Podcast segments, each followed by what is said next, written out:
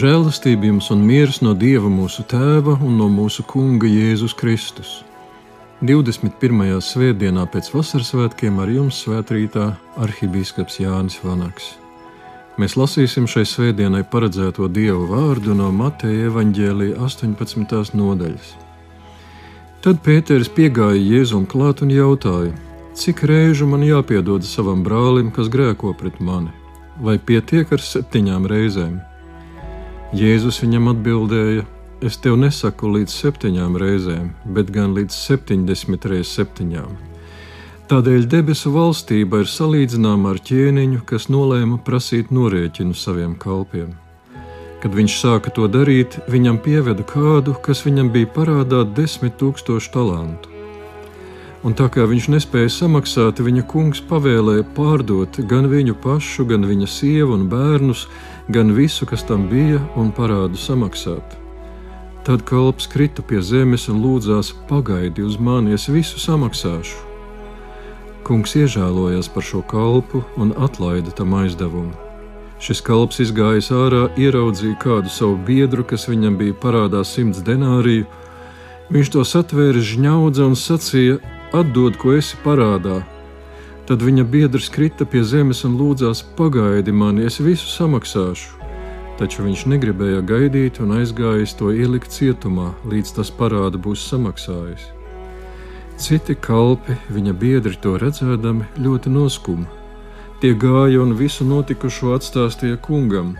Tad kungs viņu pasauca un sacīja: Tu nelietīgais kalps, visu tavu parādu es tev atlaidu, kad tu lūdzi Vai tev tāpat nevajadzēja apžēloties par savu biedru, kā es par tevi apžēlojos? Un kungs saniknojies, nodeva to spīdzinātājiem, līdz tas būs samaksājis visu parādu. Tā arī mans debesu Tēvs jums darīs, ja jūs ik viens savam brālim no sirds nepiedosiet. Tā kunga evaņģēlīs.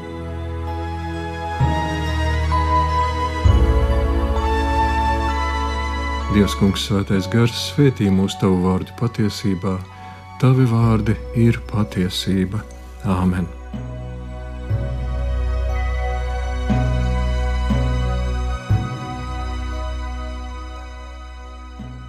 Dzirdot ziņās, ka blēži pa telefonu no Latvijas iedzīvotājiem ik gadus izkrāpjas simtiem tūkstošu eiro, liekas neaptverami, ka cilvēki var būt tik lētticīgi. Bet viņi tādi ir, mēs mēdzam noticēt un pievilties. Kārlis Marks lētacību esot uzskatījis par vājību, ko viņš cilvēkam spēja visvieglāk piedot. Tomēr mūsu kungs un viņa apstuļi ir brīdinājuši: nemaldiniet sevi. Regularitāte un šķietamais vieglums, kā mums tiek piedoti grēki, var būt mānīga. Svētdienu pēc svētdienas dievkalpojumā mums pasludina grēku piedošanu, un mēs zinām, ka tas ir pa īstam. Un sevišķi baznīcās, kur nepiekopja personīgi grēksūdzi pie mācītājiem, mēs sakām, ka dievam starpnieka nevajag, ka izsūdzam tos pat taisno dievam. Taisnība, dievam starpnieka nevajag, taču savādā kārtā mēs dieva priekšā jūtam mazāk kauna nekā otra cilvēka priekšā. Dievs uz mums neskatās ar dīvainām acīm un pie sevis nesaka: Wow! Tas ir tāds vieglākais ceļš, kur nav katrā ziņā jāiet cauri sirdsapziņas izmeklēšanas agonijai, lai pēc tam savu kaunu atklātu un uzticētu otram cilvēkam. Pamazām tas var ievest ilūzijā, ka grēku piedošana ir gluži kā roku mazgāšana, ko mācījāmies pandēmijas laikā. Dungojam pie sevis 20 sekundes garu dziesmas pantu, ziepējam pa to laiku rokas, noskalojam un gatavs. Esam drošībā nemaldiniet sevi, un mūsu kungs stāsta līdzību par apžēloto nepiedevēju, par vīru, kurā nebija notikusi dieva gribētā svēttapšanas pārmaiņa. Pievilšanās var būt arī par grēku parāda lielumu. Ja nu vispārējā grēksūdze un absolūcija notiek tik raiti un ierasti, tad droši vien tāds nieks vien ir, varam par to aizmirst. Tomēr kunga Jēzus attēlotajā norēķina dienā izrādās, ka nekas nav aizmirsts, nekas nav apslēpts. Nu, kungs prasa parāda nolīdzināt. Ne bez nolūka Jēzus lieto īpaši spilgtu valodu. Kalps kungam ir parādā desmit tūkstošus talantu. Esmu redzējis dažādas aprēķinas un pārrēķinas mūsdienu naudā, un neviens no tiem nav sīkums - apmēram 12 miljardi eiro. Visa mūsu valsts to nespētu tā uzreiz uz vietas atmaksāt. Ko tad lai vēl es, parasts nabaga cilvēks, iesāku? Nemaldiniet sevi! 21. gadsimts sevi maldina, liecoties domāt, ka tieši iespējā dzīvot baušļu un tikumu neapgrūtinātu dzīvi slēpjas tās vērtība un skaistums. Es ņemšu visu, baudīšu visu, un beigās varēšu teikt, kā Māris Čaklais, es esmu bagāts, man pieder viss, kas ar mani ir noticis. Nu, dienu vajadzētu taču būt tā, ka cilvēks, kas saņēmis 12 miljardus lielu kredītu, ir tos licis lietā, pavairojis un ir ievērojams liela uzņēmējs, kas savus parādus atmaksā bez grūtībām. Tomēr no kunga Jēzus vārdiem noprotam, ka parādnieks ir bezcerīgs nabaks. Kunga doto aizdevumu viņš ir ieguldījis maldugunīs. Kāds ir baušļu un tikumu un citu tā dēvēto reliģisko aizspriedumu neapgrūtināts dzīves ieguvums? kam vajadzēja būt krāšņai bagātībai, izrādās bezcerīga nabadzība. Nemaz nav jāgaida mūža gals un norēķina dienu, lai to pamanītu un atzītu. Nemaldiniet sevi. Līdzībā lasām, ka verdzībā līdz tiek pārdoti gan sieva, gan bērni. Tēvu grēki atstāja ļaunu iespaidu līdz ceturtajam augumam, jeb četrās paudzēs. Debesu valstībā ir savs korupcijas novēršanas un apkarošanas birojs, mūsu sirdsapziņa. Kamēr tā ir dzīva un nomodā, tikmēr tā atklāja un uzrāda patiesību, nērtu patiesību, kuras dēļ mēs sirdsapziņu nereti cenšamies apvārdot un piekukuļot. Jā, es zinu, ka vispār jau tā nevajadzētu darīt, bet, un aiz šī bet seko dažādas viltīgas domu konstrukcijas, kādēļ manos īpašajos apstākļos Tomēr drīkstēja izdarīt to, ko vispār jau nedrīkst. Tas ir riskants ceļš. Droši vien jau ir piemirsies kāds uztraukums un protests izcēlās pirms 16 gadiem, kad mēģināja atlaist knābu vadītāju Alekseju Loskutovu. Vesela lietus sargu revolūcija izcēlās. Tas nav bez iemesla. Ja valsts kontrole, korupcijas apkarotāji, likumsargi, tiesu vara kļūst manipulējama, tad valsts ir nolemta postam, Līdzīgs uztraukums izceļas debesīs, kad cilvēks cenšas manipulēt ar savu sirdsapziņu. Svētais Jānis Pakāpnieks teica, savu grēku attaisnošana ir visu grēku kalngals. Nemaldiniet sevi! Protams, talantu pārreķins uz eiro ir tāds mehānisks paņēmiens, maiņas kurs starp materiālajām un garīgajām lietām nav tik tiešs. Savu parādu lielumu drīzāk varam apjaust, raugoties uz to, ko dievam nācās darīt, lai mums to atlaistu. Varam uz brīdi norimt, aizvērt acis un svētītā iztēlē mēģināt skatīt, kā svētā trīsvienība raugās uz zemi, uz cilvēkiem, kurus radīja ar tādu mīlestību, kā tā raugās uz mani, redz manu sirdi, nodomus, motīvus, visu manu dzīvi. Cik nopietnam iemeslam, kādām sāpēm, žēlumam un līdzcietībai jābūt, lai otrā trīsvienības persona atstātu dzīvi dievišķajā harmonijā un dotos piedzimt cilvēka miesā, lai apslēptu savu visvarenību līdz mazam bērnam, kam jāmācās staigāt, runāt, ēst ar karoti, būt atkarīgam no vecākiem un pilnīgi paklausīgam. Cik dziļos maldos jābūt cilvēkam, ja dievišķajām kārtības vārdam jātop par miesu, lai atgrieztu viņus uz patiesības ceļa. Svētās trīsvienības otrā persona zināja, kas viņu sagaida, ja viņš dosies piedzimt par Jēzu Kristu. Drauga nodevība, mācekļu bailes un neusticība, netaisna tiesa, galējs pazemojums kailam pie krusta, lēna mokpilna nāve, nokāpšana ellē, cik bezcerīgam jābūt manam parādam, lai viņš manis dēļ sacītu: Labi, tēvs, es iešu, nemaldiniet sevi. Parāds un atdošana nav ierasta iksvētdienas lieta. Mūsu kungam tā noteikti nebija tāda. Vēl viena pievilkšana ir uzskats, ka attiecībās visam jābūt taisnīgi. Ja kāds mums ir izdarījis ko labu, mēs varbūt cenšamies atbildēt ar to pašu, Taču biežāk prasība pēc taisnīguma izpaužas tad, kad kāds mums nodara pāri. Tad mēdzam iekarst, kā līdzībā kalps pret savu darba biedru, viņš to satvēra un žņaudza, gluži kā lameks vecajā derībā, vīru es nokauju par savu ievainojumu un zēnu par savu vāti, līdz kamēr mūzuma dotie likumi iedibina samērības principu aci pret aci, zobu pret zobu. Ak, vai cik daudz kļūdu var pieļaut, iekarstot, pat noziegumus pastrādāt, bet kalpam likās, ka viņš rīkojas taisnīgi un samērīgi. Darba biedrs taču bija viņam parādā vesels tūkstošs denārijus. Tā ir liela nauda, vai tad ne? Nemaldiniet sevi. Attiecību cīņās prasība pēc taisnīguma par katru cenu, aci pret aci, zobu pret zobu, nebeidzamā spirālē ved tikai pie aizdauzītām acīm un izsistiem zobiem, gan tēlēni runājot, gan reizēm gluži burtiski. Ļauno spirāli pārtrauc tikai tas, ka kungs izlēma nerīkoties taisnīgi. Kungs iežēlojas par šo kalpu un atlaida tam aizdevumu. Tas nebija taisnīgi. Taisnības, jeb bauslības vietā viņš izlēma rīkoties pēc žēlastības, tas ir pēc evaņģēlīja, jo viņš spēja just žēlastību, līdzcietību un kalpa sāpes kā savējās.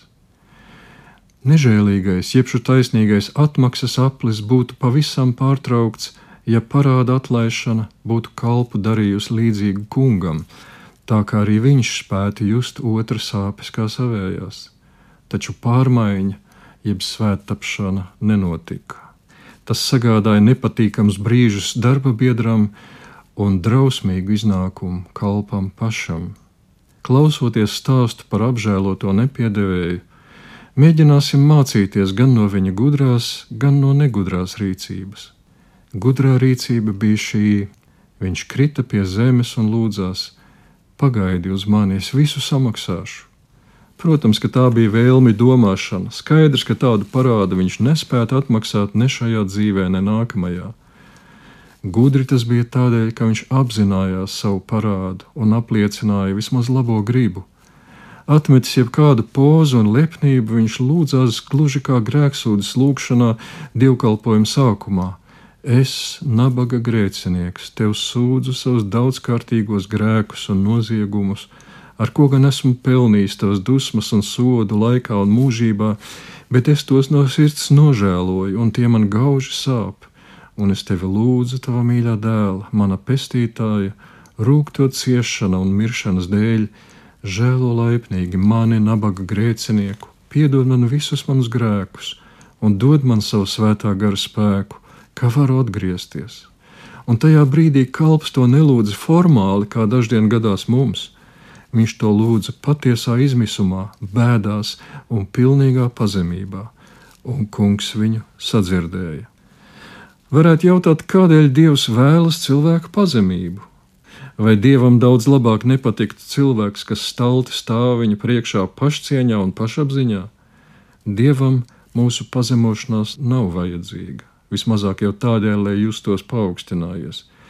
Pazemību cilvēkā viņš vēlas redzēt tādēļ, lai mēs cits citu mazāk mocītu. Vairāk par visu sūst aizvainota lepnība, reizēm atraidīta mīlestība, noniecināta draudzība, Dunku vai pļauku mēs vēl spējam paciest, bet pazemots lepnums un apsmieta pašcieņa liek iekarst un mudina nokaut vīru par ievainojumu un zēnu par vāti. Dievs vēlas pazemību, lai mēs būtu stiprāki pret ļaunā uzbrukumiem un nekļūtu par līdzcilvēku žņaudzējiem, maza goda un cieņas parāda dēļ. Kalpu muļķība bija tā, ka tad, kad briesmas šķita garām, Viņš acīm redzot nosprieda, ka izrādot pazemību un satriektību, viņš ir izvēlējies pareizo taktiku, lai tiktu vaļā no parāda, ka viņam ir izdevies kungu iežēlināt un apvest ap stūri, ka nu var iet un turpināt pa vecam. Tā liek domāt viņa turpmākā rīcība. Nemaldiniet sevi. Kalpu izglāba nevis paša, bet kunga pazemība un lēnprātība. Kungs Kristus dieva veidā būdams neturēja par ieguvumu pie tā turēties, bet pazemojās, pieņemdams šī paša kalpa veidu, lai ar savu krusta nāvi samaksātu viņa parādu. Iedziļinoties līdzībā, noprotam, ka kungs lūkojas uz nožēlas pilno kalpu un redz viņā savu dēlu, kurš visu baismīgo parādu jau ir samaksājis. Tas, neatmetot taisnīgumu, atraisa rokas kunga pāri plūstošai piedošanai, un, ja apžēlotais kalps tiešām būtu bijis gudrs un sapratis pareizi, tad uz priekšu būtu dzīvojis visiem spēkiem pūloties paturēt glābjošo līdzību Kristumu, kuru kungs Kristus viņam tīras iežēlošanās dēļ bija apvilcis. Vai tev nevajadzēja apžēloties par savu biedru, kā es par tevi apžēlojos? Citiem vārdiem sakot, vai tev nevajadzēja dzīvot un būt līdzīgam man, ja viņš tā būtu darījis? Viņa tikšanās ar darba biedru un visiem citiem cilvēkiem būtu pilnīgi citāda, un viņa liktenis būtu bijis citāds. Un viņa dzīve būtu pasaulē vairojusi izlīdzināšanos, brīvību un laimi. Ļaunais aplis būtu lausts, taču apžēlotais nepiedevējs kalps tik brutāli nokratīja līdzību Kristum no sevis ka kunga acīm atkal atklājās viņa parāds. Kungs saprata, ka tādu viņu nevar atlaist, lai viņš nestaigā pa pasauli citu žņaugdams nežēlīgā paštaisnībā. Nemaldiniet sevi, tā raksta apustulis Pāvils draudzē Korintā. Nedz izvirtuļi, nedz elku kalpi, nedz laulības apgānītāji, nedz baudu kārie, nedz vīriešu piegulētāji, nedz zagļi, nedz mantrauši, nedz dzērāji, nedz rupjība runātāji, nedz laupītāji, dieva valstība neiemantos. Daži no jums tādi ir bijuši. Daži no jums tādi ir bijuši, apustulis saka. Atskatīsimies uz to, kā esam dzīvojuši. Izvirtuļi, Kā ir bijis ar manu vaļību, tikumos, uzvedībā, saskarsmē? Atcerēsimies savu iekāri, atcerēsimies pornogrāfiju, elku kalpi. Cik reizes es esmu kaut ko izvēlējies, ierādot dievam otro, trešo, septīto vietu, uz ko es esmu paļāvies, kur meklējis drošību, laulības apgānītāji. Kā manā dzīvē ir bijis ar to? Baudu kārie, cik bieži esmu tiecies tikai pēc tūlītēji apmierinājuma jutekļiem un vēlmēm, un cik bieži tas ir nomācis manī alkas pēc mierinājuma un prieka, ko atrod debesu lietās. Vīriešu piegulētāji, sieviešu piegulētājs, slepeni vai atklāti. Varbūt esmu centies tādiem iegalvot, ka apustulis kļūdās, ka ir 21. gadsimts, ka patiesībā Dievs tam dod svētību, censties ielausties skolās, lai tā mācītu bērnus rupjība runātāji. Kādas runas es runāju puišu starpā, meiteņu starpā? Atcerēsimies savus jokus, kuri nebija ne tīri, ne īsti smieklīgi, bet tikai piesārņoja klausītāju iztēli un dvēseli. Mantrauši, zagļi, laupītāji. Cik bieži es esmu apskaudis tos, kas dzīvo bagātāk par mani? Cik bieži esmu sajūties pārāks par tiem, kam vienkāršāks auto, lētāks pulkstenis vai sliktāks apģērbs? Cik bieži tik ļoti esmu gribējis sev nodrošināt, ka rīkojos negodīgi vai pat pretlikumīgi. Par to vajadzētu domāt nevis tādēļ, lai sajustu sevi kā nicināmus un nemīlamus, vai kā tādus, kas dievam ir viena vienīga vilšanās un tādēļ tālu no viņa, bet lai pa īstam izjustu un izbaudītu vārdus, ar kuriem apustulis noslēdz šo biedējošo uzskaitījumu. Daži no jums tādi ir bijuši bet jūs tikāt nomazgāti, tikāt svētīti, tikāt attaisnoti mūsu Kunga Jēzus Kristus vārdā un mūsu Dieva garā. Lai kas no šī saraksta stāsta par tavu dzīvi, lai kas būtu bijis vēl pāri tam, tavs Kungs Jēzus iežēlojās par tevi, uzņēmās tavu parādu un to nomaksāja pie krusta, bet tevi apsedza ar savu nevainojamās dzīves svētumu kas viņam tic un top kristīts, top svēts. Kristus dēļ tas pats apustulis savas vēstules sāka nevis jūs pretīgie grēcinieki, kas varbūt nebūtu nepelnīti, bet gan sveicināti jūs svētie, Kristus mīļotie Dieva bērni. To apdomājot, sajutīsim, ka likuma bardzība gan spiež atzīt mūsu patieso stāvokli un pelnīto taisnīgumu, taču tā nedziedina paceļ, dziedina un izmaina Kunga Jēzus pazemība, iežēlošanās un piedošana. Bez tās baušļa bardzība nolemi nāvei, ar to bauslis mudina nodot sevi Jēzus rokās, paļāvībā uz viņa ceļošo, apskaidrojošo, svētdarošo palīdzību. Aizvērsim vēl uz brīdi acis un svētītā iztēlē mēģināsim sajusties kā tas kalps kunga priekšā. Tā stunda, no kuras jau sen baidījos, ir manis atvērusi. Man prasa atmaksāt to, ko nespēju atmaksāt. Tūlīt visa mana dzīve būs driskās un lupatās, man atņems īpašumu, cieņu, visas tiesības un iemetīs cietumā mocītājiem, arī manu ģimeni, bērnus. Tikai manas muļķības, manu slikto izvēļu dēļ Es varu gaudot, sist pieri pret zemi, lūgties, solīt, atdot parādus, bet kungs redz man cauri, neko es nespēšu atmaksāt. Nevis šausmīgas beigas, bet nebeidzama šausmu sākums. Tad atskan kunga balss. Tik negaidīta, līdzcietīga, saprotoša, piedodoša. Celies, es vairs neatprasu tev tavu parādu, ej ar mieru kā tas liek man justies. Kamēr kunga vārdi pamazām sasniedz apziņu, es jūtu, kā glābējs Jēzus mani ietērp savas nevainojamās dzīves svētumā. Kā ar segu viņš apsedz visu manu vainu, manu noziegumu, manu kaunu. Kā tas liek man justies? Kā šī sega mani ieskauj, silda, sargā, es gribu to satvert, savilkt ciešāk un nekad neatlaist turēt ap sevi visu mūžu. Mūsu kunga līdzībās ir tik daudz ko apdomāt, arī šo vajag ieslēgt sirdī.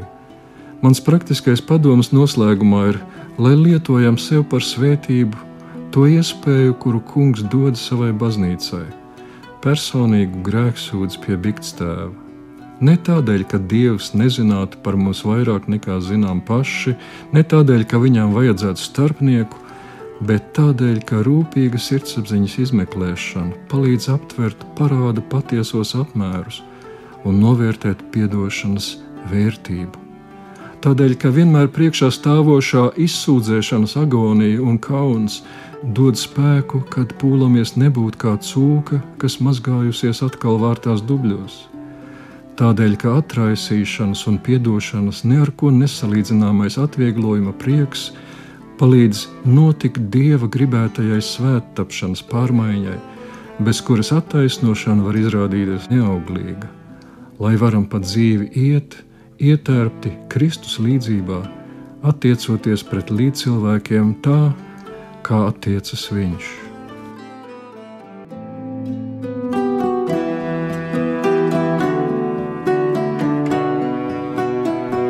Lūksim! Mēs lūdzam Tevi, Kungs, savā laipnībā dāvini mums saviem ticīgajiem atdošanu un mieru. Vadi mūs pa svētāpšanas ceļu, lai šķīstīti no visiem grēkiem, varam būt līdzīgi Tavam dēlam un kalpot Tev ar prieku.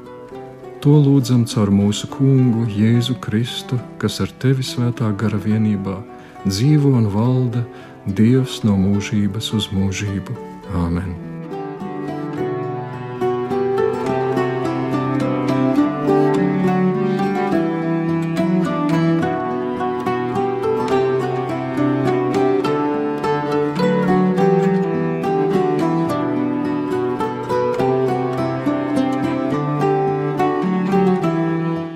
Svētrītā kopā ar jums bija arhibīskaps Jānis Vanaks.